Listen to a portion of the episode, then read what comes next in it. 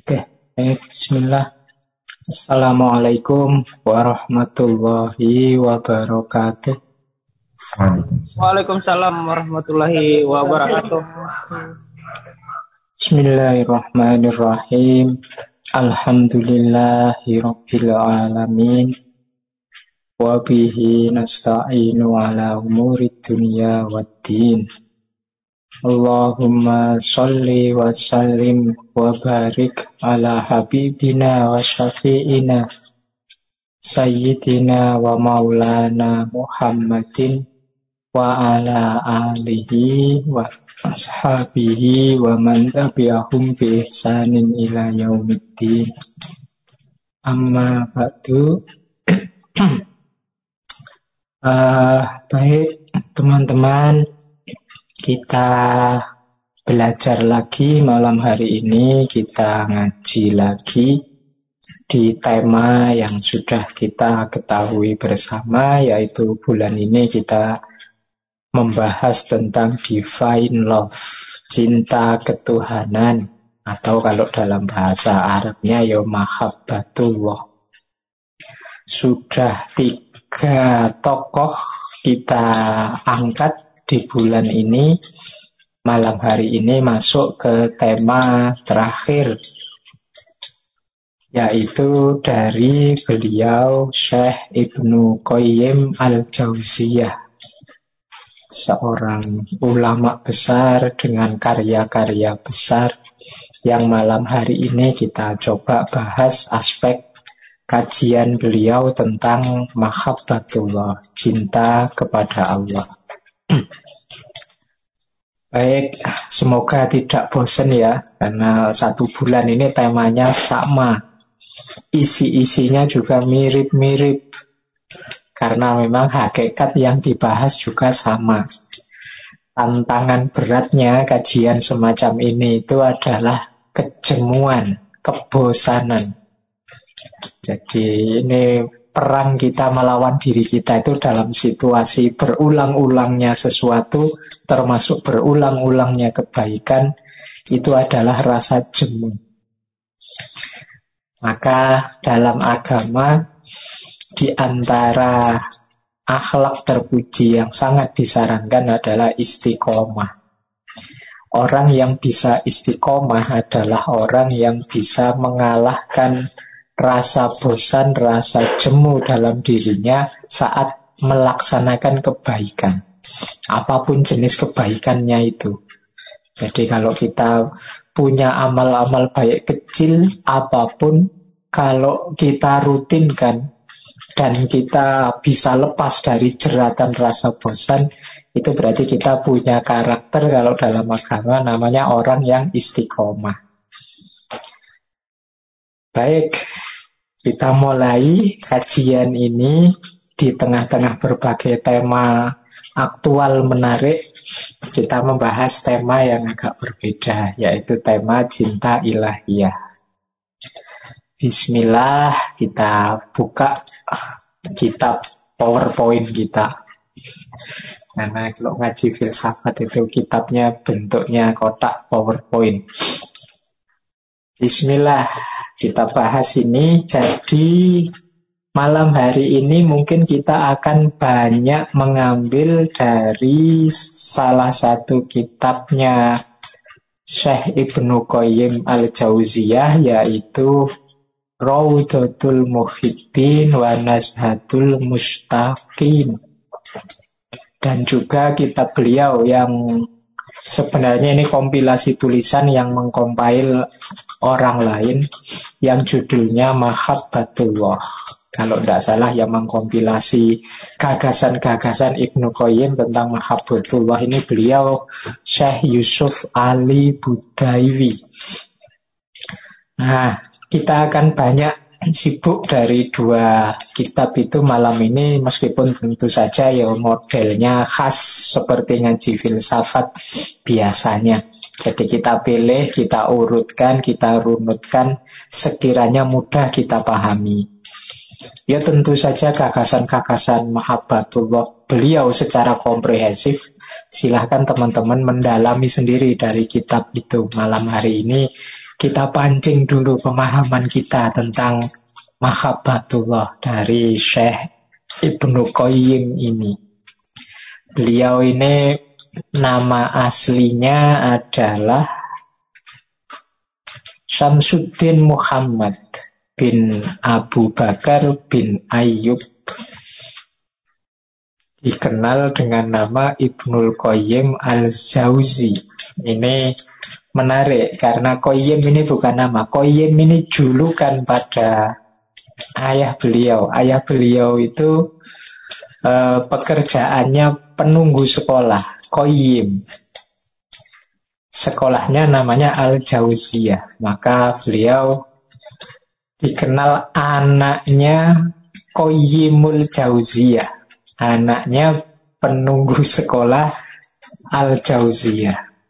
Tapi nama ini jauh lebih masyhur daripada nama asli beliau Samsuddin Muhammad. Beliau lahir dan nanti meninggal juga di Damaskus, Suriah. Kalau dari sisi keilmuan beliau ini terkenal sekali bidang adab, akhlak, hadis, fikih, dan juga akidah. Guru-gurunya banyak. Salah satu yang paling dikenal adalah Ibnu Taimiyah. Dan murid-murid beliau juga banyak. Teman-teman mungkin pernah mendengar misalnya Subki, Al-Maqdisi, atau yang paling terkenal Ibnu Kasir. Jadi Ibnu Kasir Ad-Dimaski yang menulis kitab Tafsir Ibnu Kasir dan juga Bidayah wan Nihayah dan banyak kitab yang lain. Itu muridnya Ibnu Qayyim al-Jauzi, al-Jauziyah. Nah, yo beliau ini ndak ndak mulus terus karir keulamaannya karena beliau juga pernah beberapa kali mengalami persekusi-persekusi karena gagasan beliau yang tidak disetujui oleh yang punya kuasa. Iya, orang tidak bisa membantah bahwa beliau ini ulama besar dengan karya-karya besar yang luar biasa. Sehingga waktu beliau meninggal ya yang mengantarkan juga ribuan orang. Baik, kita belajar malam hari ini salah satu gagasan beliau tentang mahabbatullah. Mungkin agak berbeda dengan tokoh-tokoh sebelumnya. Beliau ini agak akademis, agak sistematis, makanya cara membahasnya agak lebih dalam. Baik, kita mulai. Bismillah ke materi. nah, sekarang tentang definisi dulu. Kita awali dari definisinya secara bahasa ya. Kadang-kadang secara bahasa itu justru menunjukkan sifat-sifat aslinya, sifat dasarnya sesuatu. Jadi mahabba itu ya dari kata-kata habba. Nanti masternya hub. Nah, mahabba itu bisa berarti sofa wal bayat. Di sofa itu orang biasanya mengartikannya suci. Bayat itu artinya putih, bait. Ya di situ tulisannya transparan kayak kaca itu kan, bening. Jadi cinta itu nanti berhubungan dengan kesucian, kebeningan hati dan juga putih. Mungkin konotasi dari karakter cinta yang sifatnya fitri, Fitri itu berarti dia anugerah langsung dari Allah. Nah, ini penjelajahan dari sisi bahasa yang pertama. Dari sisi bahasa yang kedua, hub itu bisa dimaknai al-ulu wan zuhur. Ulu itu artinya tinggi, zuhur itu artinya tampak, kelihatan, menjulang. Berarti tinggi dan tampak itu kan berarti menjulang. Berarti cinta itu megah. Dari sisi bahasa. Jadi teman-teman yang sedang punya cinta di hatinya atau sedang menanggung suka cinta atau duka cinta, kalian megah luar biasa karena atribut cinta itu kan atribut yang luar biasa. Yang ketiga, al-luzum waktabat. Luzum itu artinya tetap, sabat itu artinya ya tetap konsisten, istiqomah. Ini mungkin maksudnya kalau orang jatuh cinta, kalau cinta sudah masuk, itu sulit sudah dihindari. Sulit disingkirkan, tidak mudah. Kalau sudah tertanam dalam hati, uh, menyingkirkannya tidak gampang. Kalau belum jatuh cinta itu tidak ada masalah apa-apa. Tapi begitu jatuh cinta, itu beratnya setengah mati untuk menyingkirkan. Maka dia al-luzum was-sabat. Ini cinta itu kan berarti yang di awal sering saya jelaskan dia anugerah, tapi kalau sudah datang susah disingkirkan. Jadi datang tidak diundang. Pulangnya susah dia, di, diusir pulang nggak bisa. Jadi aluzum was sabat. Dan yang terakhir lub. Hub itu bermakna lub. Lub itu inti. Ada juga yang memaknai hub itu seperti benih. Jadi dia inti, hakikat, hakiki. Hidup ini tanpa adanya cinta rusak pasti. Kalau tidak percaya, besok kira-kira Allah mencabut makhluknya yang namanya cinta ini. Tiba-tiba besok pagi orang tua tidak ada yang sayang pada anaknya. Kemudian sesama saudara rasa sayang itu hilang. Dalam hal apa pun tidak ada rasa cinta. Mungkin kupu-kupu dengan bunga, mungkin apa pun seandainya itu hilang. Besok mungkin bisa kiamat. Yang masih membuat dunia ini tegak adalah masih hidupnya rasa cinta ini. Maka dia disebut lub inti. Nah, jadi dari sisi bahasa saja, dari sisi pemaknaan kata saja sudah kelihatan maksudnya cinta ini. Jadi dia sofa wal bayat, al ulu wal zuhur al-luzum tabat dan al-lub. Baik, jadi ini tahap pertama. Lanjut ya, pelan-pelan kita belajar. Yang kedua, kedudukannya cinta. Ini mungkin bisa kita sebut urgensinya cinta. Kedudukan pentingnya cinta dalam hidup. Ini saya ambil satu kalimat dari kitab beliau. Cinta merupakan kekuatan jiwa, asupan spiritual, dan ketenangan jiwa. Satu kalimat ini dulu ya. Satu kalimat ini bisa panjang maknanya. Jadi cinta itu memberi kekuatan pada jiwa kita. Ini yang sedang jatuh cinta atau punya cinta bisa merasakan betapa daya dirinya berlipat-lipat saat jatuh cinta. Yang cinta dengan pekerjaannya dengan yang tidak cinta semangatnya kan beda. Yang cinta dengan apa? Belajar seperti ngaji filsafat ini dengan yang sekedar ikut-ikutan. Masih belum ada keterikatan belum ada rasa sama sekali. Itu kan gairahnya untuk ikut kajian beda. Jadi begitu muncul rasa cinta kekuatan kita berlipat. Simbah-simbah kita dulu berjuang membela tanah air sampai rela mengorbankan jiwa berlipat-lipat semangatnya kenapa cinta pada tanah airnya dan dia asupan spiritual. Jadi dimensi spiritual jiwa kita akan kelaparan, akan kekeringan kalau dia tidak kita beri asupan cinta. Jadi kalau kita isi jiwa kita ini hanya dengan ambisi, hanya dengan cita-cita, keinginan, kepentingan duniawi dan lain sebagainya, maka jiwa kita akan lapar secara spiritual. Jadi lapar spiritual itu yo hidup yang rasanya hampa. Tidak jelas, ini kok hidup ini kok rasanya begini ya hidup ini. Kemungkinan kita kehilangan aspek cinta ini. Kalau teman-teman merasa hilang gairah, hilang semangat, di sisi apa pun dalam hidupnya, kemungkinan ada unsur cinta ini yang hilang. Jadi carilah itu. Mana ya, sisi mana dari aspek cinta yang bisa kita hidupkan biar hidup kita bisa tambah bergairah. Dan tentu saja dia ketenangan jiwa.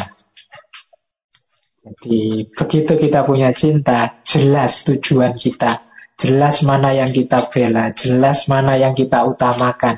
Hidup lebih tenang.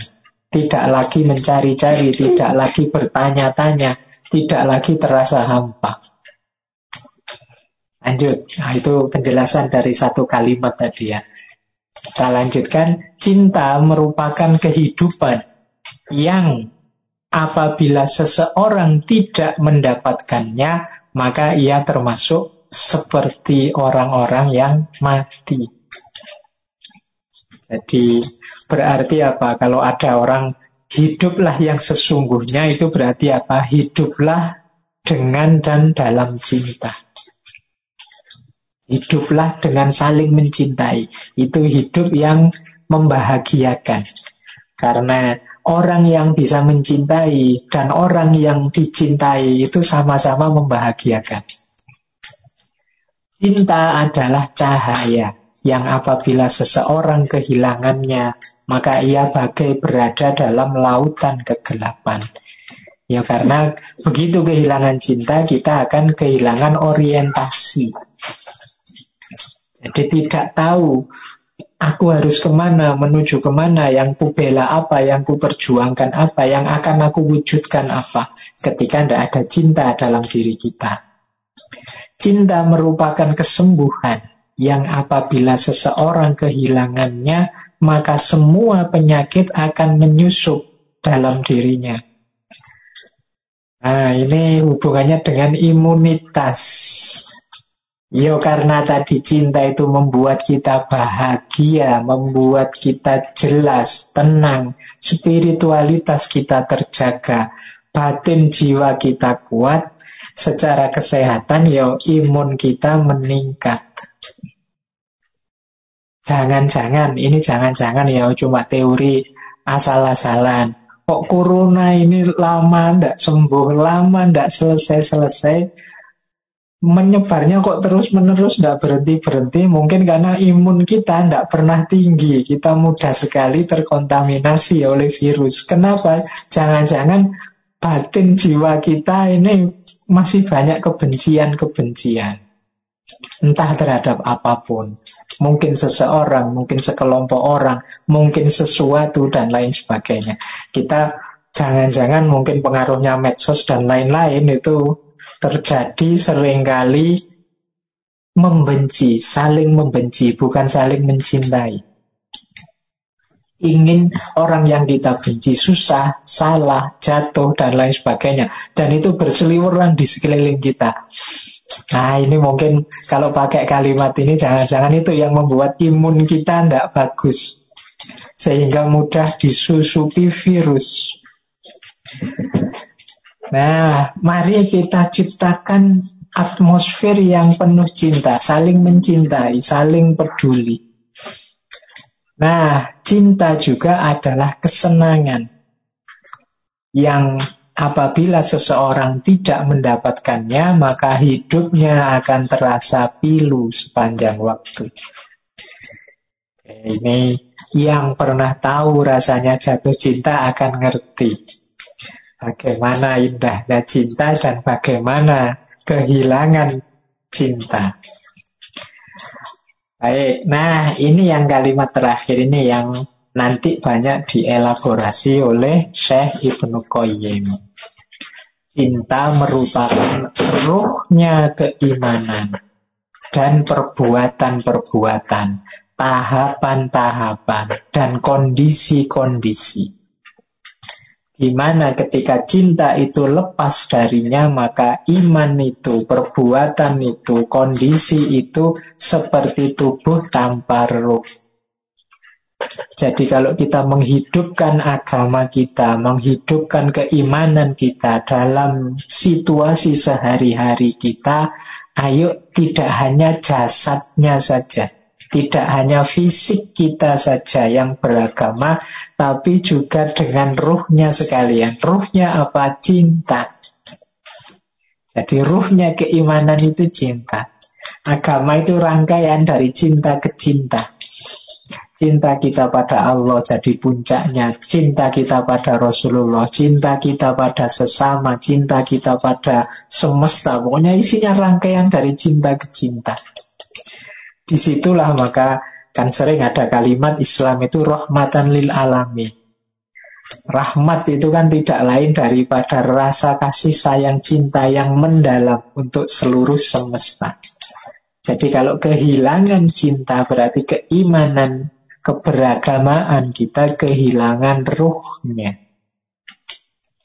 Baik, nah ini kalimat dari kitabnya Syekh Ibnu Qayyim al-Jauzi. Nah, ini tanda-tanda cinta ini agak banyak ya, sekitar 20-an. Saya agak cepat menjelaskannya, beberapa di antaranya sudah kita jelaskan di minggu-minggu sebelumnya, agak mirip. Coba ya, ini dengan intonasi netral, meskipun nanti sebenarnya arahnya untuk mahabbatullah, cinta ilahiyah.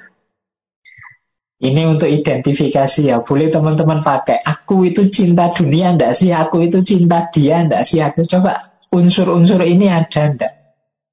Kata saya Ibnu Qayyim, orang yang cinta itu selalu ingin memandang, tidak pernah jemu memandang. Nah, ndak bosen-bosen lihat wajahnya, ndak bosen lihat fotonya, Ayo ngaku siapa yang suka stalking, lihat-lihat foto Instagramnya orang yang disenangi, diam-diam nggak ngomong misalnya itu jangan. Memang ada rasa itu. Kalau teman-teman mengidolakan siapa, kan ya bolak-balik ya dibuka fotonya, dibuka Instagramnya, dibuka. Karena memang itu tandanya cinta. Nggak ono bosen nih. Beda mungkin teman-teman nonton koncone sing lanang-lanang cowok sama cowok ada kan ini tidak terlalu perhatian ke wajah kan ya kita bergaul biasa saja. Tapi biasanya pada yang kita cintai kita ingin memandang tidak jemu. Ya kalau tidak berani memandang langsung ya ngelirik-ngelirik kalau pas ketemu. Nah itu ciri pertama. Ciri kedua sebaliknya kalau kita yang dipandang kita malah menunduk. Tidak berani menatap langsung. Kalau diajak ngomong, muter-muter itu. Pokoknya tidak berani tatap-tatapan langsung. Itu biasanya ada rasa. Katanya Ibnu Qayyim loh ya. Jangan dianukan saya. Ah, boleh diidentifikasi nanti teman-teman ngobrol sama siapa kok. Kalau diajak ngomong rasanya tidak tenang, agak muter-muter gimana? Nggak benar berani bertatapan langsung. Kemungkinan kemungkinan loh ya ini jangan dipastikan. Ada rasa itu. Jadi menundukkan pandangan jika sang sekasih sedang memandangnya.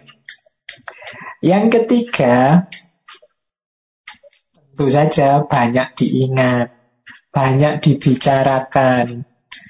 Namanya sering disebut entah sengaja atau tidak sengaja. Nah, kamu ingat-ingat yang sering kesebut secara tidak sengaja itu sopo misalnya ngobrol kita tidak sadar kok bolak-balik nyebut nama ini ya. Nah, misalnya, nah, itu kemungkinan memang sudah tersangkut di pikiran, di hati kita. Jadi ini kata Syekh Nukoyem begitu, ciri yang ketiga. Nah, yang keempat, tunduk pada perintah yang dicintai dan lebih mengutamakan perintah itu daripada kepentingannya sendiri. Oh ini kalau mahasiswa kadang-kadang uh, ngerjain skripsinya pasangannya dulu. Nanti aku lulusnya belakangan saja. Mungkin ada yang pengalaman gitu ya. Jadi kalau pacarnya sedang dapat tugas makalah dibelain melean bantu, kadang-kadang tidak bantu, buatin. Sementara makalahnya sendiri tugasnya keteteran dimarahi dosen. Wow itu salah satu tanda itu ya memang seneng. Atau teman-teman yang digituin sama lawan jenisnya ya, hati-hatilah mungkin dia memang sedang suka. Itu ciri yang keempat. Ada perhatian yang berlebih. Nah, selalu siap mendengarkan. Jadi selalu mencurahkan pendengaran untuk kekasihnya, orang yang dicintai. Tidak ada bosennya, betah ngobrol kalau sama dia.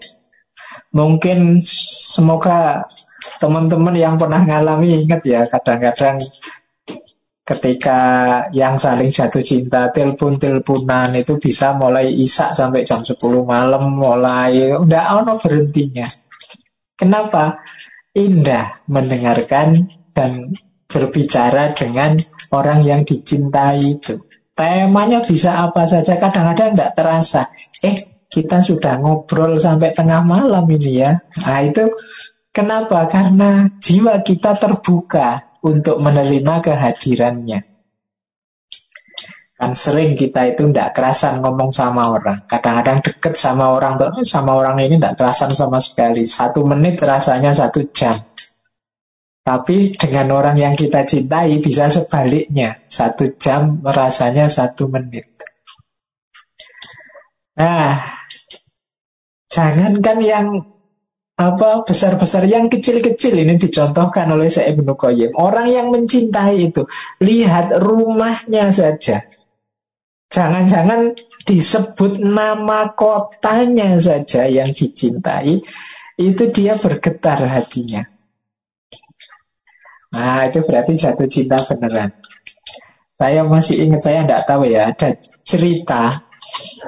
Ini entah benar entah tidak, saya baca di salah satu buku.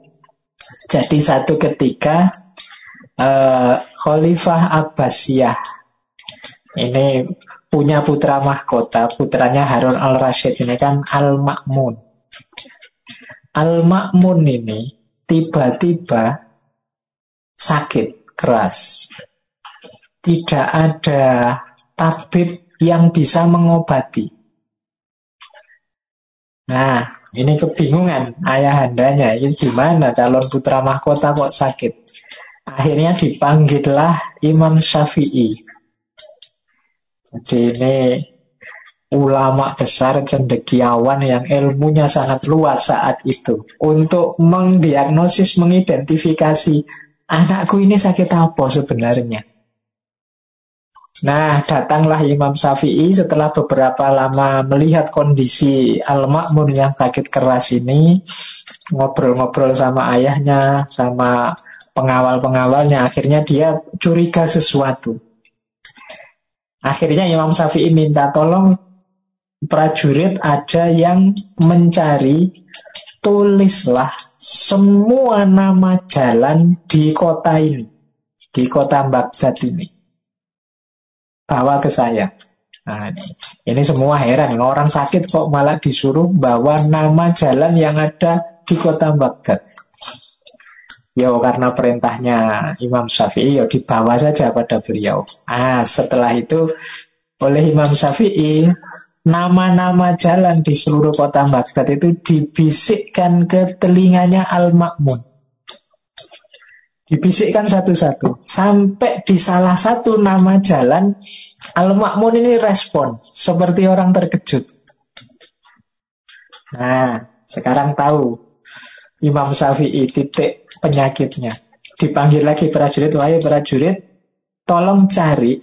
Nah, di jalan yang disebut yang membuat Al Makmun kaget tadi, cari nama-nama perempuan semua yang ada di jalan ini.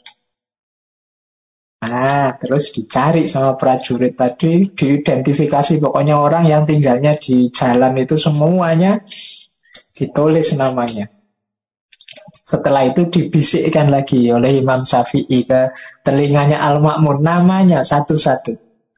Nah, sampai di salah satu nama disebut Al-Ma'mun ini lagi-lagi seperti orang terkejut dan lebih dahsyat terkejutnya.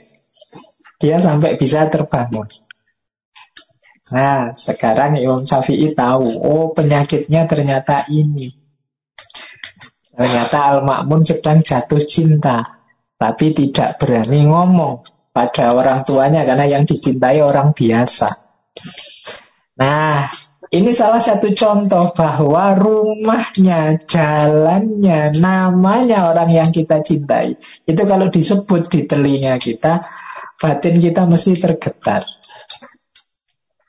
Kalau bahasanya Al-Quran kan kalau dibaca ayat-ayat Allah itu kan wa tuliyat ayatu zadatum imana. Jadi imannya tambah kalau disebut nama Allah orang yang mencintai Allah. Kita juga begitu, orang yang kita cintai kalau disebut hal-hal yang berhubungan dengan orang yang kita cintai ini batin kita mesti bergetar. Ini yang lebih pengalaman yang mungkin yang masih asik-asiknya Jatuh cinta masih belum terasa. Nanti yang sudah mantan akan terasa kalau lihat, wah ini rumahnya dulu, wah ini, wah itu dulu kita berdua di sini, ya, itu lebih terasa. Kesannya tempat tinggal, rumah dan lain sebagainya. Nah, yang selanjutnya tandanya orang mencintai itu segera ingin mendatangi sosok yang dicintai. Ingin ketemu terus. Nama lainnya dari rindu. Di orang yang jatuh cinta itu pasti rindu. Kok orang ngaku jatuh cinta tapi kamu rindu ndak sama aku? Ndak, biasa aja. Ya, ya berarti belum. Kalau orang cinta itu mesti ingin ketemu terus. Nah, lanjut. Tanda-tanda cinta. Nanti tanda ini akan klop masuk semua ketika kita cinta kepada Allah. Mencintai segala hal yang dicintai oleh kekasih. Ini kalau nanti cinta pada Allah berarti ya otomatis kita akan cinta pada Rasulullah. Otomatis harusnya kita juga cinta pada semua manusia karena Allah itu sangat penyayang pada manusia karena Allah memuliakan semua manusia.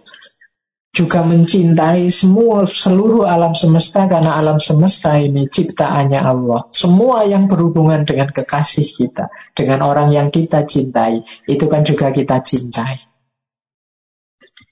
film kesukaannya, drama Korea yang sering dia tonton, apa pun itu yang kita ingin tahu. Dan juga ingin niru-niru. Terus kalau sudah menempuh jalan menuju tempatnya sang kekasih itu rasanya cepat, ingin capek juga tidak terasa. Karena ingin ketemu sang kekasih.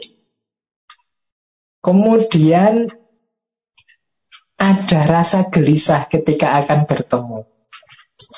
Atau ketika ditemui oleh kekasih. Gelisah itu karena ingin segera bertemu, khawatir salah tingkah, khawatir salah ngomong, khawatir melakukan sesuatu yang membuatnya tidak berkenan.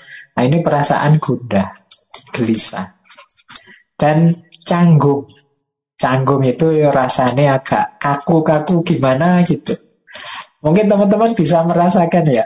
Kalau tidak ada rasa apa-apa, itu mungkin kadang kita ngobrolnya lancar saja, lanyah saja. Tapi ketika muncul sedikit-sedikit rasa, itu biasanya agak canggung sudah.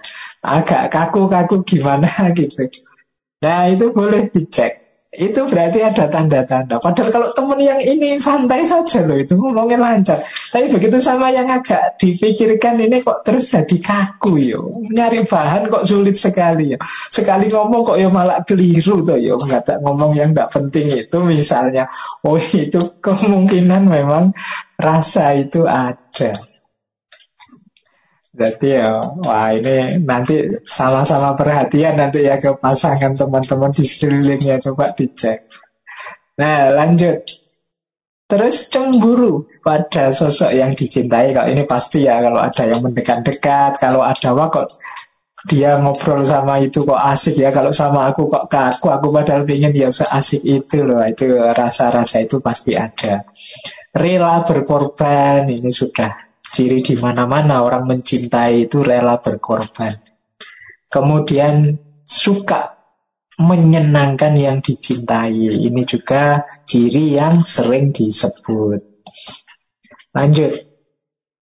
Nah, kalau sudah dengan kekasihnya, biasanya suka menyendiri, menjauhi keramaian. Nah, kalau ini kholwat ya. Terus tunduk dan patuh pada sosok yang dicintai. Oke, teman-teman sudah sering mendengar penjelasan ini. Nah, ini yang menarik. Suka ambil nafas panjang. ini menarik ya dari Ibnu Qayyim ini. Parameternya orang jatuh cinta itu ah, sering ambil nafas panjang. Itu kata Ibnu Qayyim tafsirnya dua. Mengambil nafas panjang itu tafsirnya dua. Yang pertama karena rasa sakit. Entah karena apa saja yang ingin kita tutupi. Atau rasa gembira. Yang tidak ingin kita pamer-pamerkan. Jadi dua hal ini sama-sama membuat kita ambil nafas panjang. Saking bahagianya atau untuk menetralisir rasa perih yang ada di dada. Itu orang kemudian menghela mengambil nafas panjang. Jadi ini tanda selanjutnya. Wah, ini nanti teman-teman coba diperhatikan nafasnya panjang-panjang apa enggak. Nafasnya bolak-balik kok nafas panjang. Jangan-jangan ada sakit hati yang ditutupi itu. Enggak berani menyampaikan, enggak berani ngomong. Nah, terus tentu saja menghindari apa pun yang membuat kita khawatir dijauhi oleh yang kita cintai atau membuat yang kita cintai marah. Ini apa saja kita hati-hati jangan sampai dia marah. Oh kalau ini dia tidak suka ini aku tidak. Ah itu tanda-tandanya orang jatuh cinta. Dan terakhir ada rasa cocok. Kalau ini pasti aku suka dengan itunya. Apa pun yang dari dia kalau sudah jatuh cinta itu, apa pun yang dari yang dicintai kok rasanya pantas saja. Dia pakai baju apa aja tidak ada tidak pantasnya. Dia melakukan apa saja ya cocok saja perilaku-perilakunya apa pun kok rasanya pas semua ya. Itu kenapa? Karena kita sudah ada cinta. Dia kebalikannya orang benci. Orang benci itu pecinta orang lain melakukan apa saja itu ya rasanya tidak cocok semua. Kalau sudah benci, kalau sudah cinta ya cocok semua. Baik, ciri-ciri yang hampir 20 ini teman-teman boleh masukkan nanti pada seandainya ini objeknya adalah Allah, yang saya cintai ini Allah, ada ndak sih ini karakter ini dariku pada Allah? Termasuk yang ambil nafas panjang tadi. Perih ndak sih hatiku sampai ambil nafas panjang kalau terlewat waktu untuk bisa asik berdua dengan Allah misalnya. Perih enggak sih dadaku kalau melakukan hal-hal yang sebenarnya ini bisa mengundang murkanya Allah. Jadi ini makanya teman-teman ini tanda-tanda cinta. Baik. Nah, kita ambil nafas dulu sebentar. Silahkan yang mau minum, boleh minum-minum. Biar enggak shock. Sudah dijelaskan tentang tanda-tanda cinta. Lanjut. Nah, sekarang kita mulai ya dari apa sih yang mendorong orang mencintai atau orang mau dicintai. Orang itu mencintai sesuatu itu ada tiga hal yang menggerakkannya. Yang pertama tentu saja sifat-sifat atau karakter yang dicintai. Ada keindahan tertentu yang dia tangkap dari yang dicintai. Kemungkinan dia muncul tergerak untuk mencintai. Entah itu fisiknya, entah itu perilakunya, entah itu pikirannya, apa pun itu. Akan menggerakkan seseorang untuk mencintai. Yang kedua tentu saja ketika sudah muncul rasa, wah indah sekali ya itu terus muncul rasa. Dan yang ketiga ada kesesuaian cocok, wah aku suka yang kayak gitu, tipeku yang begitu itu. bergerak sudah dia. Keindahannya tertangkap, kemudian rasa itu muncul dan dia merasa cocok. Inilah sebenarnya ketika orang jatuh cinta. Jadi jatuh cinta itu seperti itu. Jadi ada keindahan yang ditangkap, ada perasaan yang lahir, ada kesan bahwa aku cocok dengan dia. Rasanya kok klop ini untuk melengkapi hidupku. Misalnya. Nah, bergeraklah pecinta ini. Sebaliknya, yang dicintai, dia akan menyambut cinta itu, cinta yang diberikan, itu variabelnya tiga. Yang pertama apa? Kepekaan. Jadi ya kepekaan itu semacam frekuensi yang sama. Kalau dia tidak peka, tidak nyambung.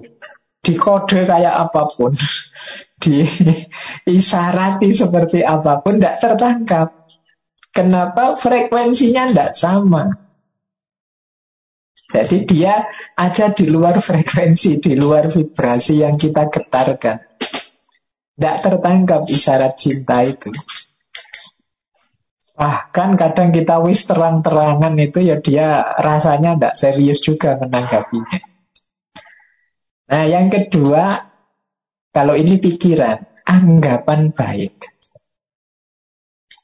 Jadi orang yang kata Syekh Ibnu Qayyim, ya kalau orangnya tidak menganggap baik, cinta yang datang itu tidak akan diterima. Ya engkau nembak aku, tapi menurutku engkau tidak jujur, engkau tidak tulus, engkau tidak eh, tidak diterima. Jadi maka anggapan baik dari yang ditembak itu penting. Yang ketiga, yang diberi cinta itu tersentuh jiwanya dan siap mau untuk memikirkannya, ya memikirkan mempertimbangkannya. Nah, ini kemungkinan tembakanmu diterima. Tapi kalau tidak tersentuh jiwanya, tidak muncul rasa atau kesan sebagaimana kalian yang menyatakan cinta, ya sulit. Seandainya iya, mungkin dasarnya anggapan baik. Anggapan baik itu coba deh siapa tahu cocok. Itu anggapan baik. Rasanya belum muncul sih, tapi ya iyalah.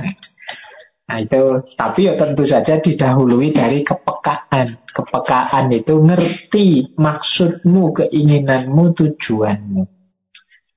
Jadi tajam, menangkap maksudnya. Nah, kalau yang dicintai tidak sadar, tidak peka, atau dia tidak menganggap baik, atau jiwanya tidak tersentuh, ya tidak nyambung. Jadi cintanya tidak dua arah, bertepuk sebelah tangan. Dua-duanya harus hidup kudunya, plus minnya harus hidup.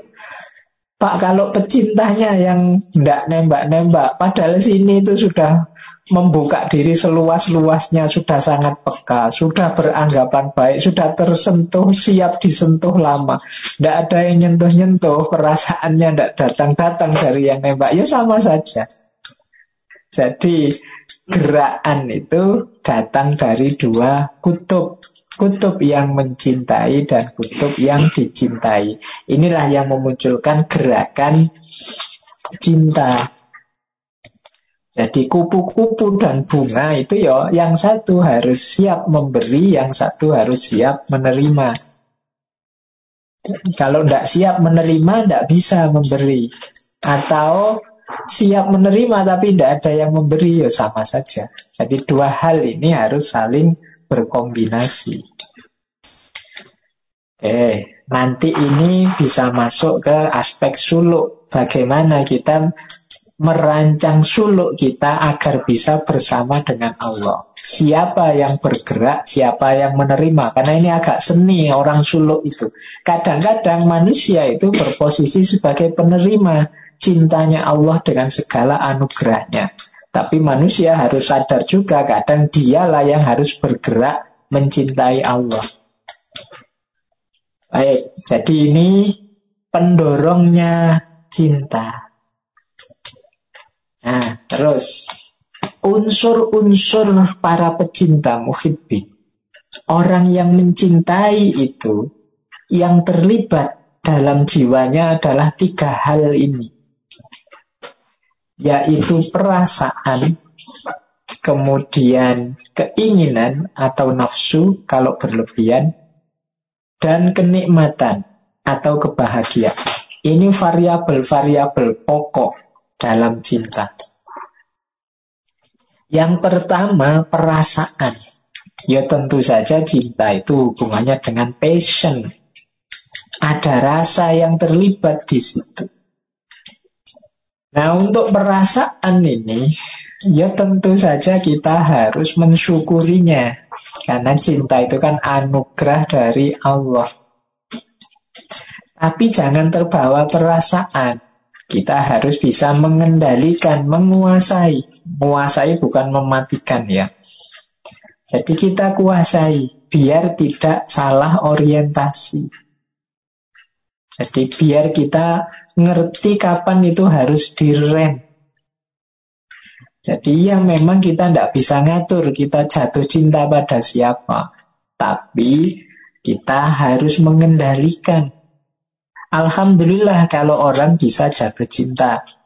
Tapi kalau kok jatuh cintanya pada istrinya orang atau suaminya orang, yo ya remnya harus pakem. Jadi kuncinya nanti di situ. Nanti rum, eh, rahasianya ada di belakang, di kebahagiaan itu. Nah, ada juga keinginan. Cinta itu kan biasanya penuh keinginan-keinginan harus begini. Nanti ke depan kita akan begini. Nanti itu keinginan. Ya, hawa nafsu kadang-kadang terlibat di situ. Bukan tidak boleh, ya manusia itu kalau tidak punya keinginan, tidak berkembang hidupnya. Tidak masalah. Tapi ngomonglah keinginan itu agar positif dan produktif. Penuhi sesuai norma-norma nilai-nilai yang kita yakini. Kalau tidak, nanti buahnya penyesalan. Dikejar ya, keinginan cita-cita itu dikejar, tapi kita harus tahu batasnya. Dan juga tahu prioritasnya. Jangan sampai kita nabrak batas. Jangan sampai kita melanggar norma. Bukan berarti jangan dipenuhi. Tapi penuhilah sesuai dengan aturan dan norma yang kita yakini. Karena di antara penyesalan yang mudah hadir dalam hidup kita itu ketika kita melanggar prinsip-prinsip dan norma-norma apakah itu norma kebenaran, kebaikan, kepantasan yang kita yakini sendiri. Ini yang membuat hidup kita gelisah biasanya. Maka jangan blunder Sering saya sampaikan, cinta itu positif. Cinta itu sesuatu anugerah yang luar biasa untuk hidup ini. Tapi kalau kita salah kelola, dia bisa blunder. Dia bisa jadi variabel bala atau bencana untuk hidup kita. Nah yang ketiga, kenikmatan. Ya betapapun orang hidup itu ingin nikmat, ingin bahagia. Maka di aspek ini rumusnya adalah carilah kenikmatan yang lebih long lasting. Durasinya lebih panjang. Jangan tertipu oleh kenikmatan-kenikmatan yang sesaat. Tertipu itu bukan berarti jangan menikmati kenikmatan yang sesaat loh ya. Ya, nikmati ya sesuai normanya, tapi jangan berhenti di situ. Kalau berhenti di situ nanti tertipu seolah-olah sumbernya bahagia hanya itu, sumbernya nikmat hanya itu. Kalau berhenti di situ berarti kita tertipu. Kenapa tertipu? Ada nikmat yang lebih dalam, ada nikmat yang lebih tinggi kelasnya. Jadi kan sering kalau ada orang sampai ndak nikah-nikah sampai umurnya banyak terus menikah kan guyonannya wah ternyata nikah itu apa enaknya ndak enaknya sedikit sisanya oh enak misalkan kayak gitu itu kan Padahal itu ada yang lebih enak lagi. Bukan hanya kenikmatan fisiknya. Tapi apa? Kenikmatan yang jauh lebih abadi. Kebahagiaan yang jauh lebih esensial. Nah, kalau di kitabnya Ibnu Qayyim ya, ya memang kenikmatan fisik ya. Tapi ada lagi kenikmatan tercapainya cita-cita. Angan-angan kita hidup berdua itu kan tidak hanya untuk menikmati aspek fisiknya saja, tapi kan punya cita-cita bersama. Oh itu kalau terpenuhi nikmatnya lebih luar biasa. Kenikmatan fisik itu kalau berulang, berulang, berulang kadang-kadang jemu, bosan. Tapi kalau kenikmatan cita-cita mewujudkan keinginan bersama itu jauh lebih panjang durasinya. Apalagi kenikmatan ilmu intelektual meningkatnya kualitas hidup karena ilmu, apalagi kenikmatan spiritual. Jadi kedekatan kita dengan Allah, kenikmatan iman, kenikmatan agama. Yo, saya tidak tahu teman-teman jalan beragamanya seperti apa, tapi kalau bisa kita bisa menikmati agama. Karena rasanya kok banyak orang memposisikan agama itu sebagai beban hidup. Padahal Allah menghadirkan agama untuk kita itu kan untuk memudahkan, untuk memfasilitasi kita agar hidup kita tidak berat dalam berbagai aspeknya. Tapi kita sering memposisikan agama sebagai beban. Mari kita nikmati indahnya beragama. Yang ini yang sering hilang hari-hari ini. Jadi kenikmatan spiritual ini lebih abadi sifatnya, lebih panjang jangkauannya. Kita sering berhenti pada kenikmatan fisik. Itulah mengapa saya sering kalau webinar-webinar ditanya, Pak gimana sih Pak? Kok kalau sudah nikah sekian tahun itu rasanya kok bosen ya Pak? Tidak kayak waktu pacaran dulu. Jangan-jangan kita berhenti di kenikmatan fisik. Ya kenikmatan fisik sebagaimana semua kenikmatan manusia yang lain. Kalau berulang, berulang, berulang, intensitas nikmatnya turun. Ini yang sudah nikah lama ngerti ya. Antara manten baru dengan sekarang itu kan beda sudah intensitasnya. Tapi beda dengan kenikmatan angan-angan atau cita-cita bersama tadi. Misalnya kalau kita di rumah tangga, punya cita-cita bersama gimana keluarga kita ini jadi keluarga yang bla bla bla dan kita bisa mencapainya itu nikmatnya jauh lebih besar apalagi kalau target kita adalah kebahagiaan level spiritual ini jauh lebih dalam maka mari mengelola unsur-unsur mahabbah, unsur-unsur cinta dalam diri kita itu secara bijaksana. Biar cinta tetap jadi anugerah di level apa pun hidup kita, tidak berubah jadi musibah. Baik itu aspek unsur-unsur perasaan, unsur-unsur keinginan maupun kenikmatan dan kebahagiaan yang kita kejar. Eh, lanjut. Nah, ini juga menarik dari Ibnu Qayyim. Kalau ini efek, efek itu pengaruh Orang jatuh cinta itu punya efek yang unik. Yang pertama apa yo? Kenapa sih kok Ibnu Qayyim bahas kayak gini? Lo ini nanti sambungkan dengan cintamu pada Allah. Apa kalian seperti ini kepada Allah? Kalau kalian merasakan seperti ini, berarti sudah ada cinta dalam diri kita pada Allah. Jadi yang pertama apa? Orang yang cinta pada Allah atau cinta pada apa pun itu biasanya kalau siap-siap tidur itu ya kalau mau tidur yang diingat yang dicintai dulu.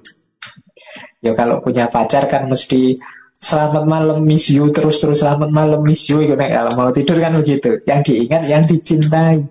Selamat tidur dan lain sebagainya. Nah, lu ya kalau mencintai Allah tentu saja kalau mau tidur ya Allah yang diingat. Bangun tidur juga begitu. Kalau punya yang dicintai, yang teringat, wah hari ini mau ketemu kekasihku lagi atau ngambil HP dicek ada WA ndak dari dia. Ah, itu cirinya orang yang jatuh cinta.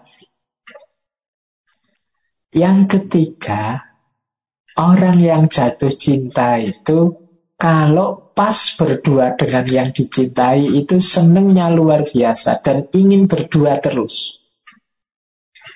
Apa begini kita kalau dengan Allah? Kerasan tidak kita pikir misalnya wirid membaca uh, tahlil 100 kali. Teman-teman kalau mau tahlil la ilaha illallah 100 kali kan rasanya ini kapan ini Pak kaum ini menyelesaikan la ilaha illallah ini. Kok lama sekali nggak selesai-selesai sampai ngantuk sampai ada kan kita tidak menikmati tahlil kita. Padahal orang yang mencintai itu berdua dengan yang dicintai. Apalagi sambil menyebut namanya itu kerasannya luar biasa tapi kita sering tidak begitu berarti kita mungkin memang harus melatih untuk lebih mencintainya atau jangan-jangan benih cintanya harus lebih dipupuk lagi biar tumbuh. Nah, ciri keempat, efeknya orang yang cinta itu kalau ada kesulitan atau bencana, yo ya yang diingat hanya kekasihnya yang dicintai. Selamat ndak ya dia? Sehat ndak ya dia? aman ndak ya dia? Ah itu yang dicintai. Karena orang mencintai itu aku sulit ndak apa-apa dia. Orang tua kita pasti juga begitu karena mereka sangat mencintai kita. Kalau kita mencintai orang tua kita kan selalu begini juga. Kalau ada apa-apa, Bapak sehat, Ibu aman ya, Bapak kan selalu begitu. Kenapa? Ada rasa cinta. Nah, harusnya kita kepada Allah juga begitu. Dalam situasi bencana, kesulitan yang terikat Allah saja. Bisa dibayangkan kita dua tahun lebih ini corona, pandemi. Itu kan berarti harusnya full dua tahun ini kita bersama. Kesadaran kita adalah kesadaran Allah. Apalagi oleh Allah diarahkan dengan pandemi ini kita jangan keluar-keluar di rumah saja. Kalau bahasa agama itu kita disuruh untuk kholwat. Kalau bahasa pandeminya isoman. Isoman itu kan kalau bahasa sufistiknya kholwat. Kholwat itu menyendiri bersama Allah saja. Ini di, mungkin kalau dibaca secara sufistik isolasi mandiri itu Allah mengundang kita yuk berdua denganku saja. Tidak usah dengan orang lain. Ah, semoga kita membacanya begitu ya, tidak mengeluh karena ada beberapa yang isoman itu mengeluh di sini, ada mengeluh terus eman-eman. Allah ngundang kita untuk kholwat berdua dengannya. Yuk kita manfaatkan. Paling tidak meningkat kualitas spiritual kita, meningkat kebahagiaan spiritual kita. Kebahagiaan spiritual itu kan yang tadi lebih long lasting tadi, lebih panjang durasinya. Jadi teman-teman, efek dan pengaruhnya cinta di empat hal ini, mendeteksinya. Maka cinta kita, kedekatan kita kepada Allah, ayo dicek sejauh mana Sejauh mana kalau sebelum tidur kita ingat Allah atau tidak Atau kita hanya ingat HP kita saja Asik mentelengi HP sampai ngantuk terus tidur. Bangun tidur juga begitu Kita ingat Allah dulu Alhamdulillahilladzi akhyana dulu Atau tangan kita ngerogoh-ngerogoh Meraba-raba nyari HP ku di mana. Jangan-jangan kita lebih cinta HP kita daripada Allah Wong yang sebelum tidur bangun tidur kita lihat dulu itu. Sejauh mana kita kerasan berdua dengan Allah? Sejauh mana dalam situasi sulit, bencana kita ingat pada Allah? Nah ini aspek pengaruh dan konsekuensi dari cinta. Nah sekarang kita bahas wadahnya Wadahnya cinta itu kan jiwa kita ini. Hanya saja kalau wadahnya tidak siap, itu ya sulit mewadahi cinta yang dahsyat tadi. Wadah kita seperti apa, seperti itulah nanti cinta kita ekspresikan. Maka penting kita membersihkan jiwa kita. Di dalam pandangannya Syekh Ibnu Qayyim, jiwa itu ya ada tiga macam. Ada jiwa samawi, ada jiwa buas seperti binatang buas, ada jiwa hewani di dalam diri kita ya.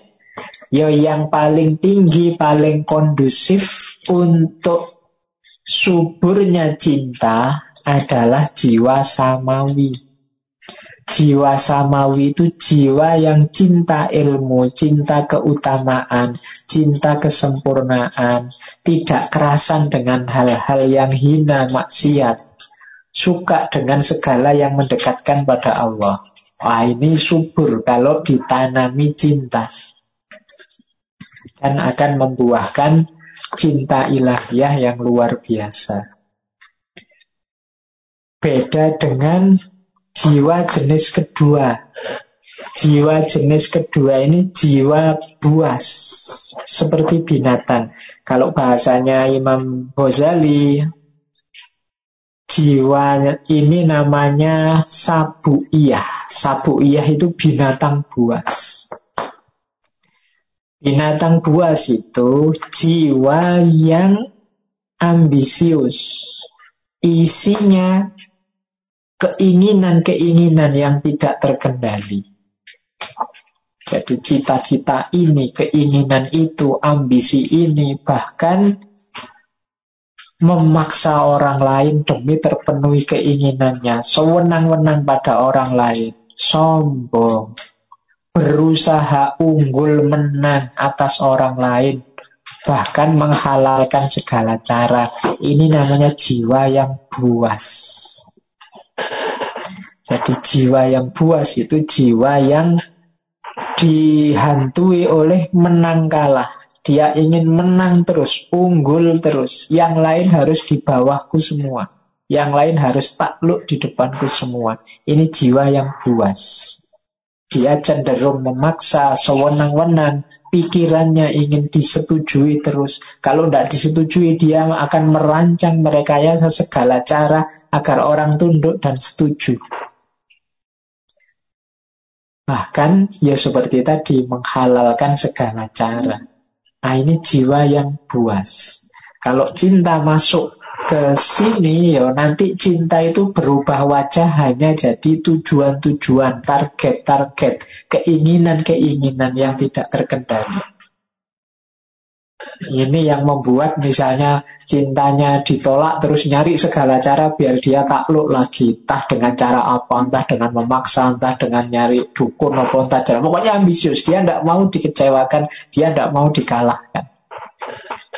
Jadi segala cara harus aku lakukan demi terpenuhi cintaku termasuk dengan cara yang batil dan salah.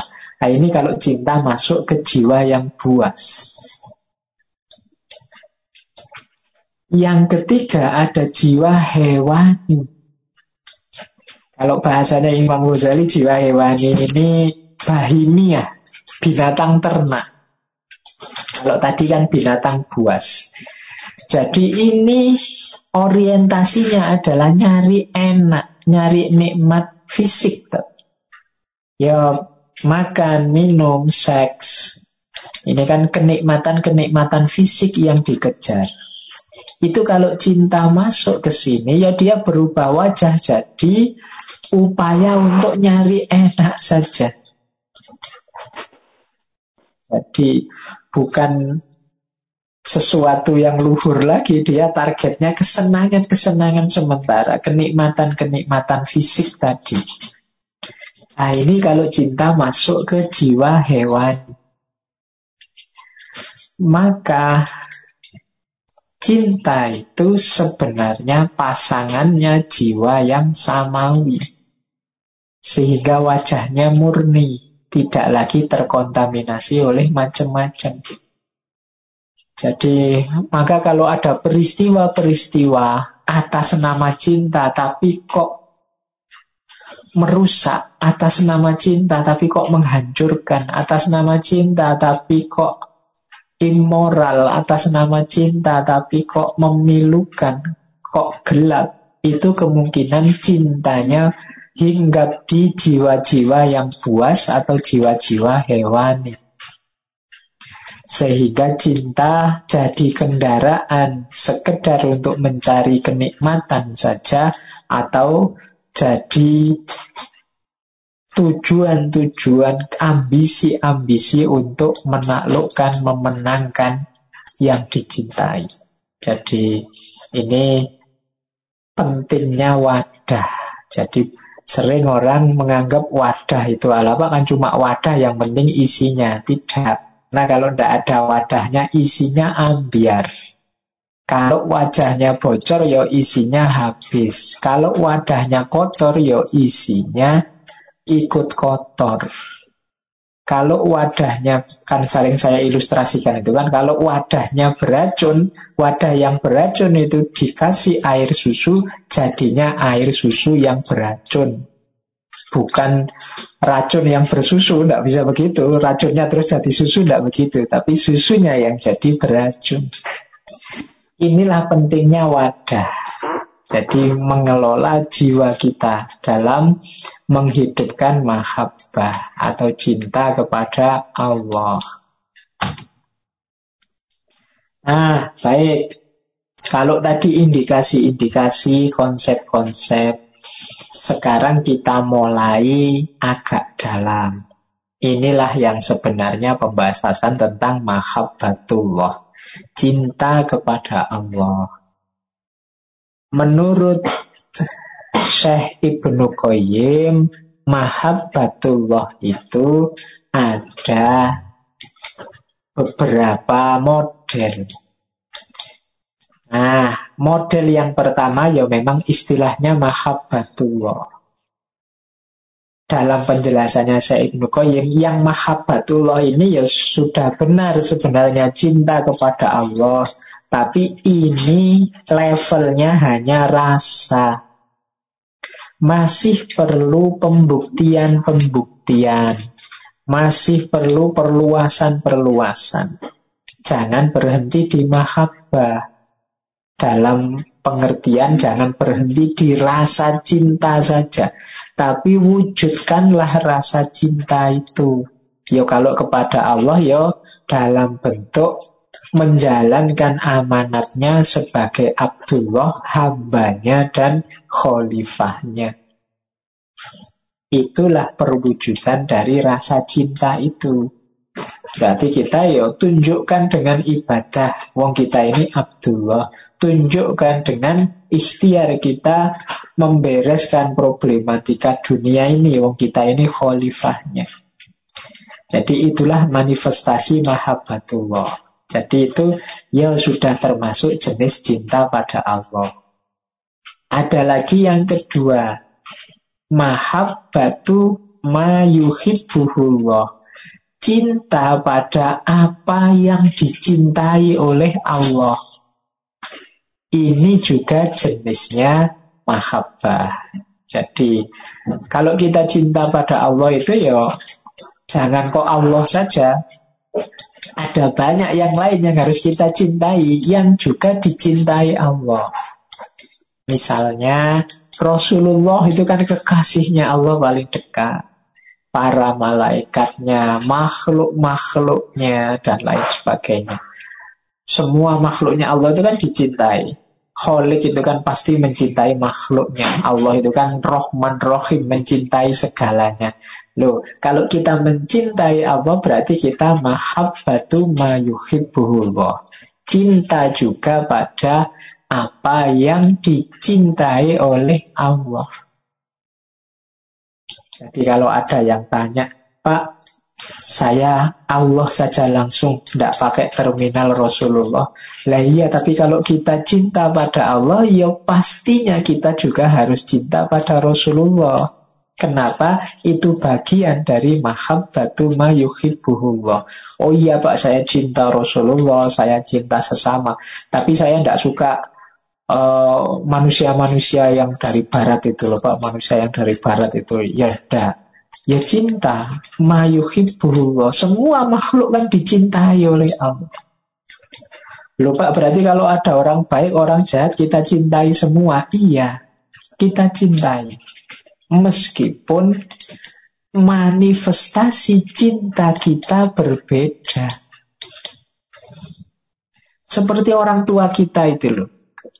Punya anak banyak, semuanya dicintai. Ada yang patuh, ada yang nakal, tetap dicintai. Tapi cara mengekspresikan cintanya beda.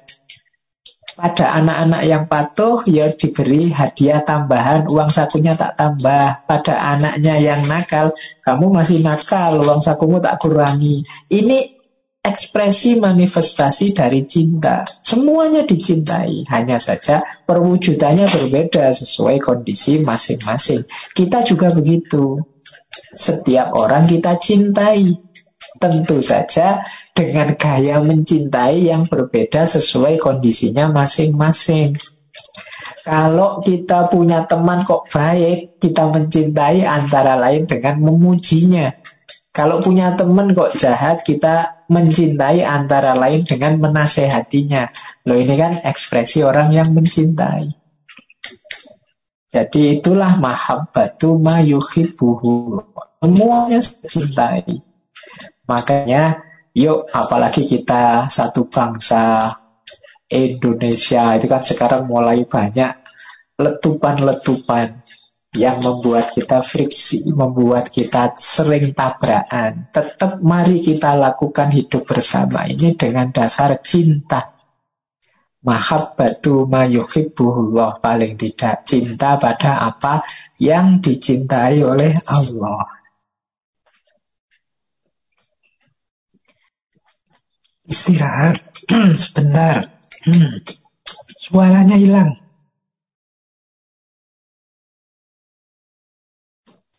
Baik, saya lanjutkan. Suaranya kecil ya.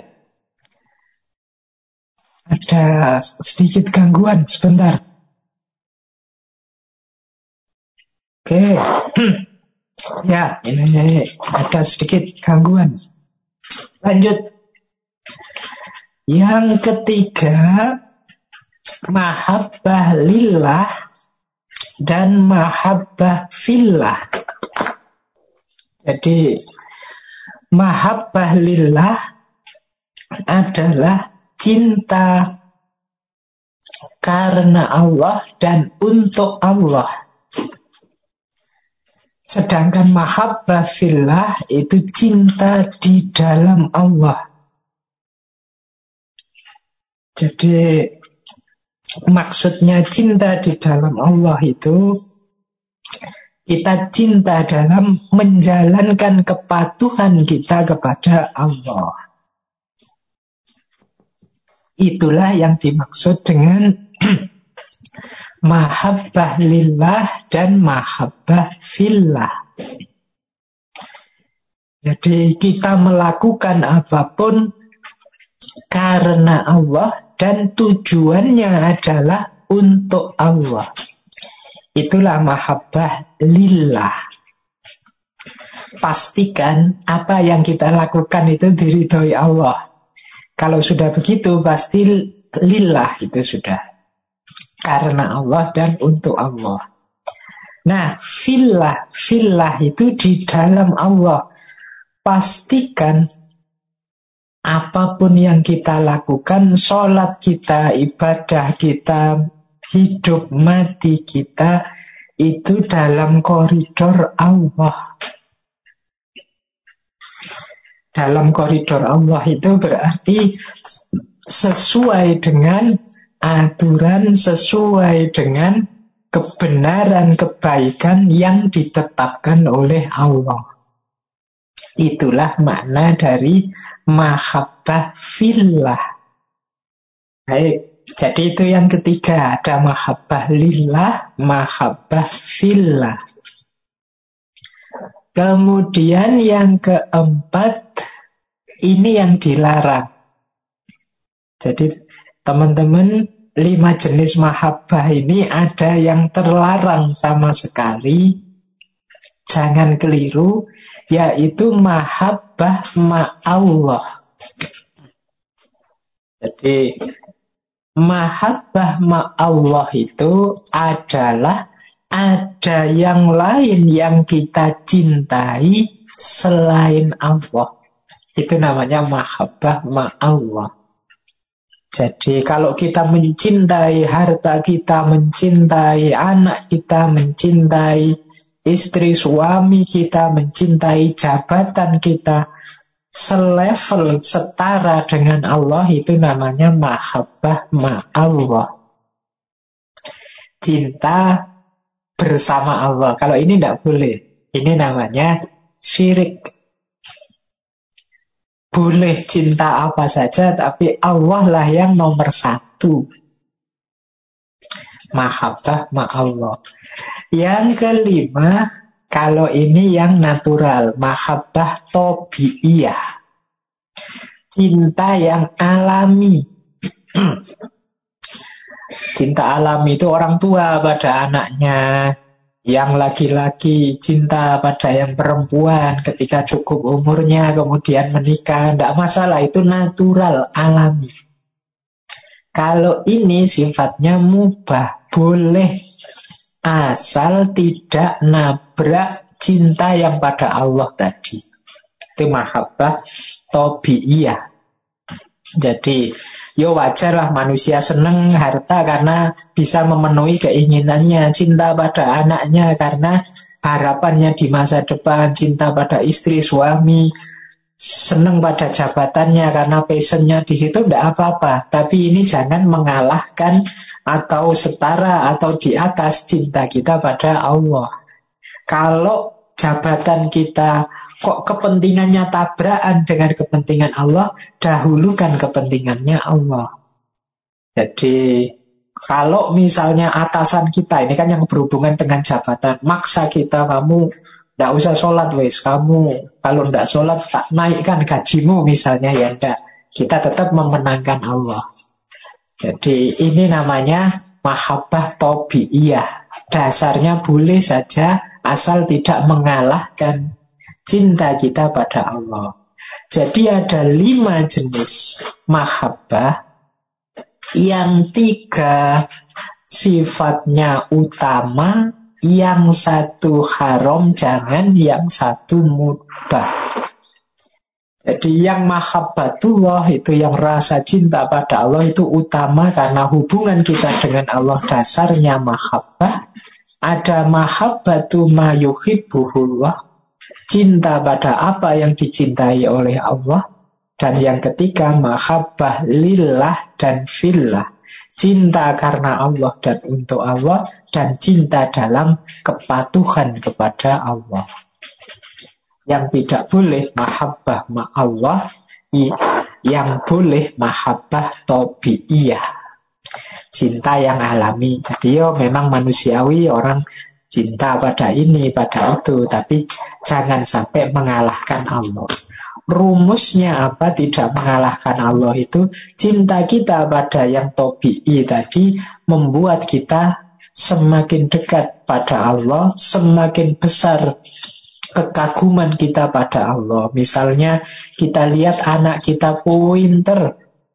Nah, Alhamdulillah aku tambah cinta padamu nak, tapi sekaligus Alhamdulillah ya Allah betapa maha kuasa engkau yang menganugerahkan kepandaian pada anakku, betapa penyayangnya engkau pada anakku. Semuanya kembali ke Allah. Jadi itu untuk mahabbah tobi'iyah. Jadi kita jadikan kalau bisa kendaraan menuju mahabbatullah. Yang sama sekali jangan mahabbah ma'allah. Baik, kita lanjut. Nah, sekarang kita lihat ya beberapa pandangan tentang mahabbah dari para sufi.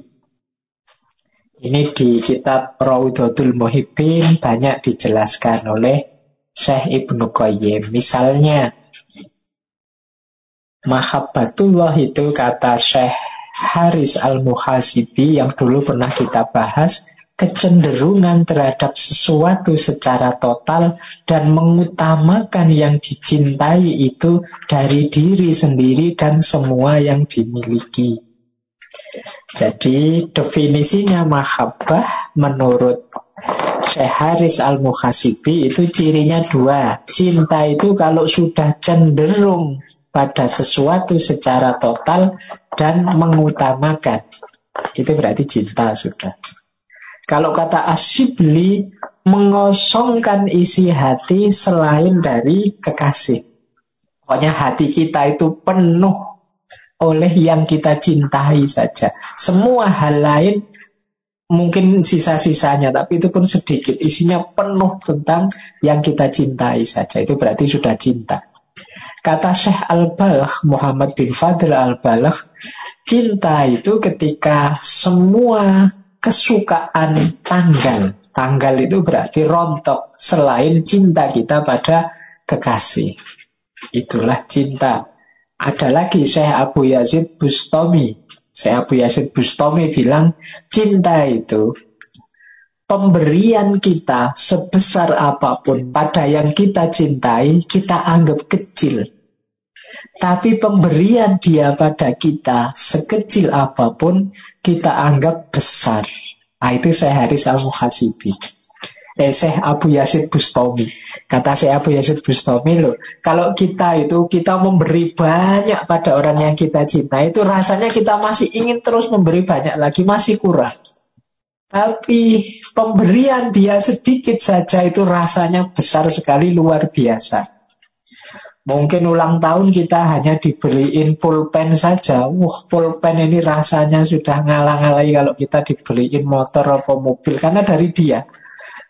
Jangan sampai ada yang uh, ngotak adik pulpen ini. Karena ini hadiah dulu dari yang saya cintai. Nah ini cinta begitu. Berarti apa? Kalau kita cinta kepada Allah itu, pemberian Allah yang sedikit saja itu kita syukuri sedemikian rupa. Harusnya begitu. Meskipun kadang-kadang kita itu justru diberi sebanyak apa pun oleh Allah, kita lupa bersyukur. Sebaliknya, kita melakukan sedikit saja minta imbalan banyak sekali pada Allah. Padahal harusnya orang mencintai itu memberi banyak rasanya sedikit jadi malu kalau mau minta imbalan. Nah, ini definisi dari Syekh Abu Yazid Bustami. Ada lagi dari Sufi Syekh Sahal Al-Tustari. Kata Syekh Sahal, cinta mahabbah itu setia dan menghindar dari perselisihan. Kok ada orang bisa tidak setia ya Pak? Berarti belum cinta. Karena kalau orang cinta itu tidak perlu disuruh, tidak perlu dipaksa. Dia pasti setia. Ada lagi pendapat dari Syekh Junaid al-Baghdadi. Kata beliau, cinta itu masuknya karakter yang dicintai dalam diri orang yang mencintai. Nah ini menarik, ini definisi yang menurut saya paling unik. Kata Syekh Junaid itu, orang yang cinta sesuatu itu biasanya tambah lama tambah mirip dengan yang dicintai. Mungkin gaya ngomongnya, mungkin selera makannya, mungkin coba saja kalian diteliti ya nanti. Orang yang cinta pada sesuatu itu dia tambah mirip dengan yang dicintai. Yo kayak kalian suka sepak bola, kemudian suka aktor Korea siapa atau suka apa itu kan entah bagian mana hidup mau kalian mencoba mirip seperti idolamu. Cinta juga begitu. Kalau kita cinta pada Allah, kita akan berusaha sesuai dengan keinginannya Allah atau kalau bahasanya tasawuf itu taholak di akhlakillah berakhlak sesuai akhlak Allah. Allah penyayang, aku juga ingin jadi orang yang menyayangi, orang yang penyayang. Allah itu maha pemaaf, aku juga ingin seperti Allah jadi orang yang pemaaf. Allah itu bijaksana, aku juga ingin deh seperti Allah yang bijaksana. Nah ini rahasia dari definisinya Syekh Junaid Baghdadi. Jadi cinta itu masuknya karakter yang dicintai dalam diri orang yang mencintai. Kemudian Syekh Ibnu Atta'illah asakan dari yang kita bahas minggu kemarin. Satu kalimat dari beliau, cinta itu menganggap diri sendiri rendah dan menganggap yang dicintai itu tinggi. Orang yang jatuh cinta itu bahkan bisa kehilangan egonya. Aku ndak penting, diriku ndak utama. Yang utama adalah yang aku cintai. Dan ada Abu Yakub As-Susi. Kata Abu Yakub As-Susi, cinta itu melupakan keuntungan dan kebutuhannya sendiri demi yang dicintai. Karena yang dipikirannya adalah keuntungan dan kebutuhan orang yang dicintai, bukan keuntungan dan kebutuhannya sendiri. Jadi ini kalau teman-teman membaca kitabnya Syekh Ibnu Qayyim itu beliau menjelajahi pandangan-pandangan para tokoh termasuk para tokoh sufi tentang apa itu cinta. Yo, sebagian saya bawa malam hari ini, tapi yang lain masih banyak. Silahkan nanti teman-teman menjelajahi sendiri karena ada uh, waktu kita terbatas, nggak bisa ngomong sampai detail. Baik, sekarang kita bahas hal-hal yang mempermudah isar. Isar itu pengutamaan kepada yang dicintai. Kalau ini sudah tips ya, kita bagaimana kita men-create diri kita agar mendukung cinta kita. Ya tentu saja cinta kepada Allah. Yang pertama apa? Mari kita lembutkan jiwa kita. Mari membawa membentuk karakter tunduk, lembut, penyayang, tidak kejam, tidak bengis. Ayo latihan. Jadi watak kita, karakter kita itu bukan harga mati. Jadi jangan menyerah Pak, saya memang orangnya kasar begini Pak, tidak bisa lembut. Ayo latihan, bisa kok. Bisa dibentuk. Saya memang orangnya ya agak sombong-sombong gini lah Pak, agak. Ya enggak, ya latihan lah. Latihan tawaduk, pelan-pelan. Jadi dalam rangka apa? Melembutkan jiwa. Karena jiwa yang tidak tunduk, tidak tawaduk, sulit untuk isar. Isar itu mengutamakan yang lain. Kalau kita tidak bisa mengutamakan yang lain, bagaimana kita bisa jatuh cinta? Bagaimana kita bisa mencintai dengan benar? Karena orang mencintai itu pasti isar, mengutamakan yang dicintai. Jadi orang yang egois, orang yang tidak sabaran, orang yang kasar, tidak penyayang, orang yang kejam, sulit mencintai. Karena untuk bisa mencintai diperlukan sifat-sifat lawannya semua tadi. Maka marilah kalau begitu kita latihan melembutkan jiwa kita. Entah dengan cara apa. Mungkin teman-teman punya strategi sendiri-sendiri untuk uh, melembutkan jiwa. Yang kedua, iman dan yakin. Ya ini kalimatnya memang iman dan yakin. Maksudnya apa? Mari kita latih jiwa kita untuk bisa percaya. Jadi kepercayaan Dasarnya orang mencintai itu ya antara lain percaya. Tidak mungkin orang mengutamakan orang lain. Kalau sedang cinta ya mengutamakan yang dicintai. Kalau tidak didasari percaya. Jadi saling mencintai itu kan dasarnya saling percaya bahwa engkau tulus padaku, aku juga tulus padamu. Aku ingin memberikan yang terbaik padamu dan aku yakin engkau pun akan memberikan yang terbaik untukku. Maka aku mantap dalam mencintai, mengutamakan. Ya kalau objek cintanya Allah tentu saja ya mari yakin sepenuhnya kepada Allah. Iman sepenuhnya kepada Allah. Kita itu kan, ya memang kalau ditanya beriman yakin ya. Tapi perilaku kita sering mencerminkan orang yang lupa atau tidak terlalu yakin kepada Allah. Buktinya apa? Kita sering misalnya hidup dalam ketakutan yang tidak perlu. Kuatir ini, kuatir itu. Itu kan seolah-olah tidak ada Allah saja.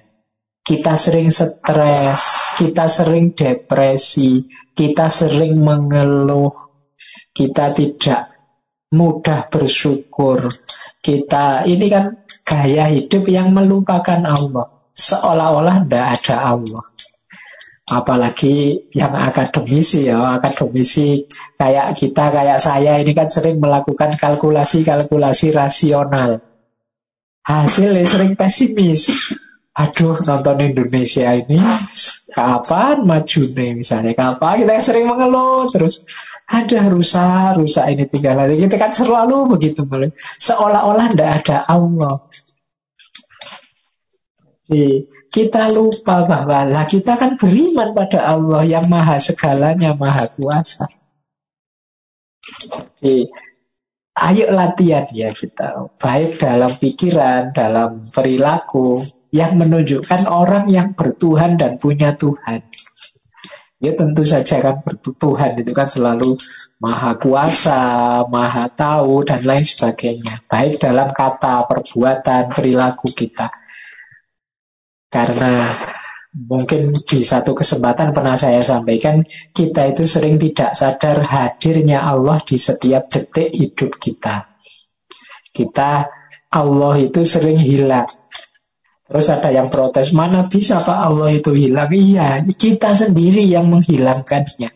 Kita sendiri yang tidak peduli kehadirannya. Jadi kita hijabnya Allah itu ternyata ya diri kita sendiri. Maka mari kita latihan ya di aspek ini. Yakinlah. Wong kadang-kadang kita berdoa saja ya tidak yakin 100%. Jadi sakit pun kita berdoa ya Allah semoga aku segera sembuh. Tapi ya kita ngitung sendiri. Tapi ya kalau flu gini, batuk gini ya paling tidak semingguan lah. Apa ya bisa besok sembuh. Ya kita sendiri begitu. Ya seminggu beneran. Wong ya kalkulasi kita yang lebih main daripada doa kita. Jadi, ya Allah sembuhkanlah aku ajilan segera. Tapi ya pikiran kita tidak begitu. Kita mengkalkulasi sendiri. Wah, kalau sariawan gini ya paling semingguan lah, tidak bisa langsung sembuh. Ya sudah, kita yakinnya begitu ya begitu. Itu yang membuat ucapan kita, doa kita tidak ampuh. Wong yakinnya juga kecil. Bandingkan dengan para ulama, para aulia, itu kan mereka keyakinannya sangat mantap, sangat dalam kepada Allah. Nah yang ketiga, penting untuk isar, jiwa yang bisa mengutamakan, yang dicintai, mengutamakan orang lain adalah kesabaran. Sama seperti dua sifat sebelumnya, kesabaran ini bisa kita latih. Ayo latihan sabar. Jadi latihan sabar itu latihan menanggung hal yang tidak enak. Atau latihan menanggung istiqomah menjalankan kebaikan. Itu sama-sama butuh kesabaran. Ini juga latihan. Ya memang tidak ada. Kalau ada orang ngomong, Pak, kesabaran kan ada batasnya. Ya tidak ada. Kalau sabar itu ya kalau sudah ketemu batasnya berarti sudah tidak sabar. Yang namanya sabar itu ya sabar. Tapi kan kita harus berjuang ya. Kalau memang waktunya berjuang ya berjuang saja, tidak masalah. Bukan berarti sabar itu kalau ada salah terus diam saja, tidak begitu. Jadi sabar itu kita ikhtiar semampunya, hasilnya apa pun kita terima. Sepahit apa pun ya kita siap menanggung. Kan gitu namanya sabar. Sabar Jangan diartikan males ya. Pak, saya itu saya milih rebahan saja Pak hari ini wong yo.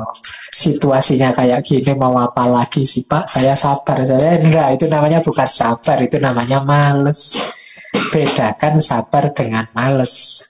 Jadi Hari ini sering orang mis uh, identifikasi antara kesabaran dan kemalasan. Eh, saya tak di rumah saja Pak, kalau memang rezeki saya ya mesti datang. Nah, itu namanya males. Sabar itu saya sudah usaha Pak, hasilnya segini ya tidak apa-apa, saya terima. Saya menguatkan diri untuk menerima apa pun yang terjadi. Ini namanya sabar. Nah, jadi salah satu karakternya mahabbah yang utama itu isar. Isar itu bisa hidup kalau kita pakai jiwa kita punya tiga karakter ini. Yang pertama tawadu, mampu merendahkan diri, rendah hati. Yang kedua keimanan, kepercayaan. Dan yang ketiga kesabaran. Karakter Isar ini penting untuk hidup kita hari ini. Biar orang tidak egois. Jadi mengutamakan orang lain. Mengutamakan yang kita cintai. Nah, baik. Masih ada sekitar 15 menit. Nah, ini beberapa tips dari Syekh Ibnu Qayyim al-Jauziyah. Strategi menumbuhkan rasa cinta. Sering saya ditanya, Pak cinta itu kan passion, Pak rasa, bukan kepatuhan, sekedar kepatuhan, bukan kewajiban-kewajiban, sekedar menjalankan apa yang tertulis, tapi dalam cinta itu terlibat rasa. Nah kata Syekh Ibnu Qayyim, untuk menumbuhkan rasa cinta kepada Allah itu ada beberapa strategi yang bisa kita ambil. Yang pertama apa? Ayo teman-teman membaca Al-Quran sambil direnungi maknanya. Nah, ini kayak eh, tembang yang tombo ati itu loh yang dari Sunan Bonang. Itu kan yang pertama moco Quran sak makna nih ini memang penting teman-teman moco Quran sak makna ini. Membaca Al-Quran dengan maknanya.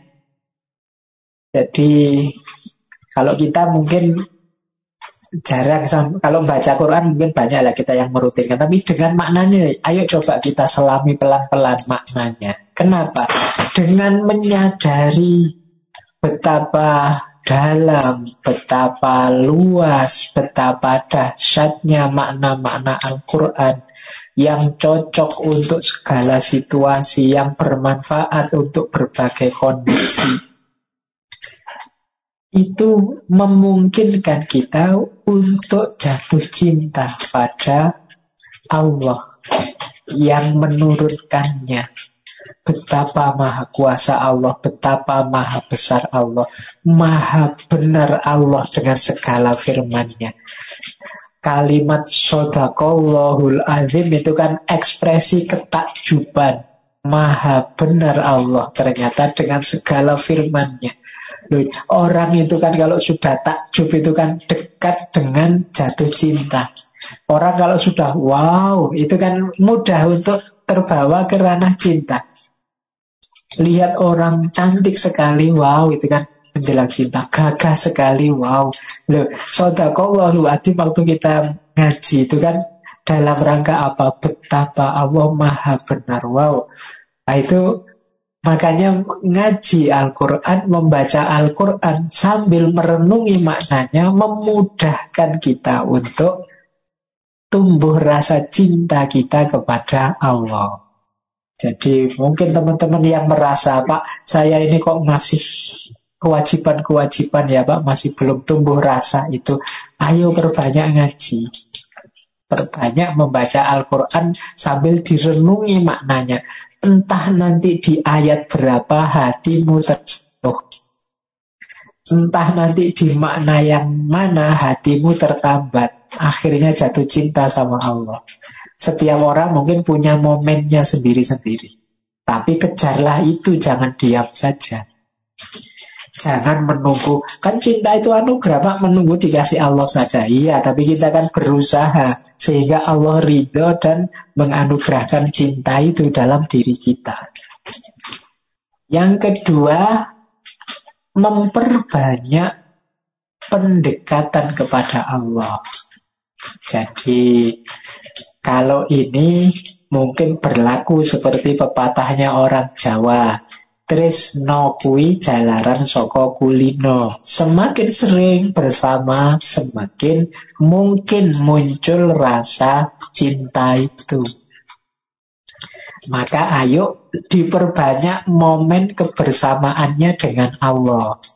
Selain yang wajib-wajib, boleh ditambah yang sunnah-sunnah. Jadi meskipun sedang nonton TV, mulut mulutnya boleh sambil baca-baca zikir atau nyari momen sendiri berdua dengan Allah.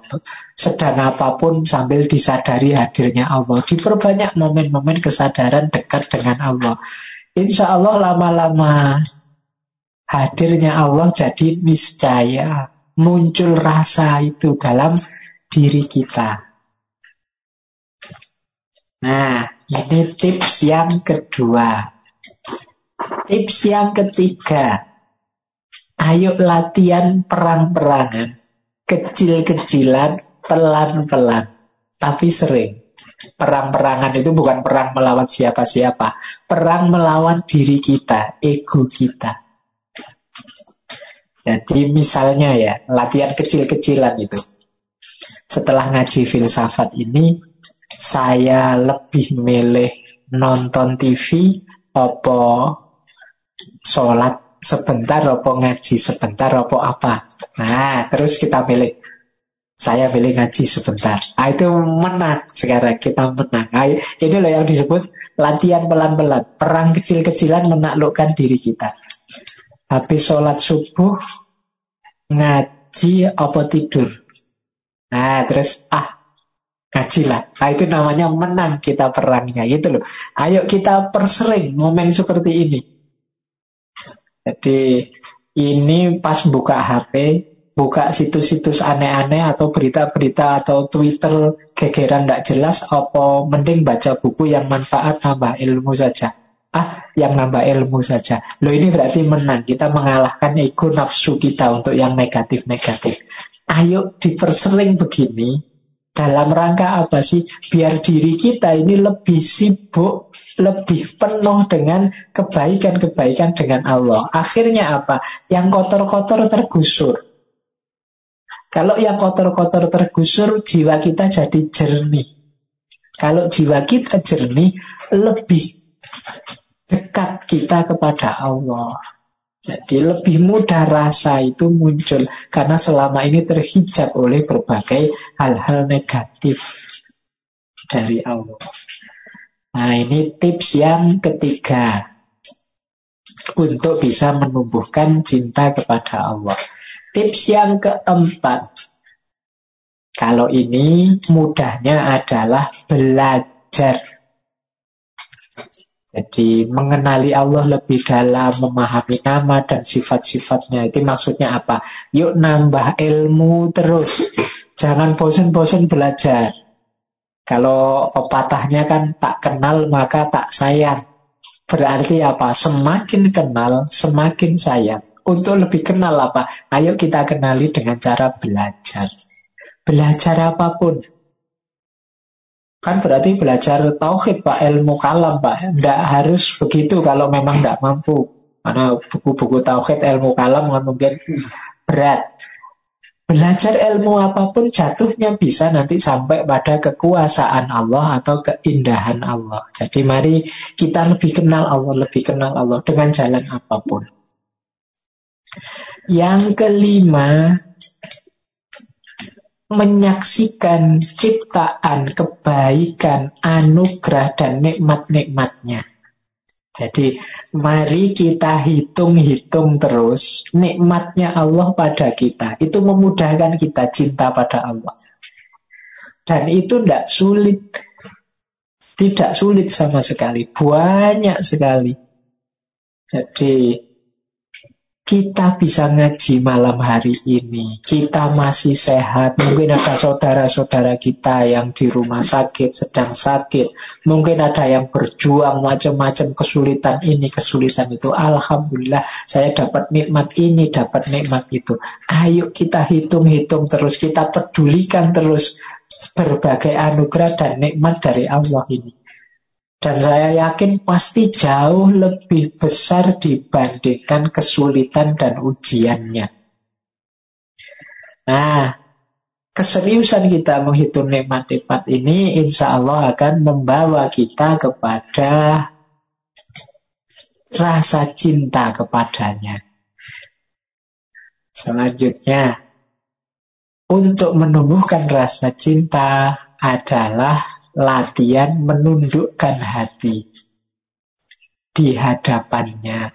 Menundukkan hati itu pas apa ya semacam kayak kalimat alhamdulillah itu loh apa pun kebaikan apa pun kemampuan apa pun daya yang sekarang aku miliki itu hakikatnya sumbernya dari dia dan pasti di bawah dia di bawah itu maksudnya levelnya tidak ada apa-apanya kalau dibandingkan Allah.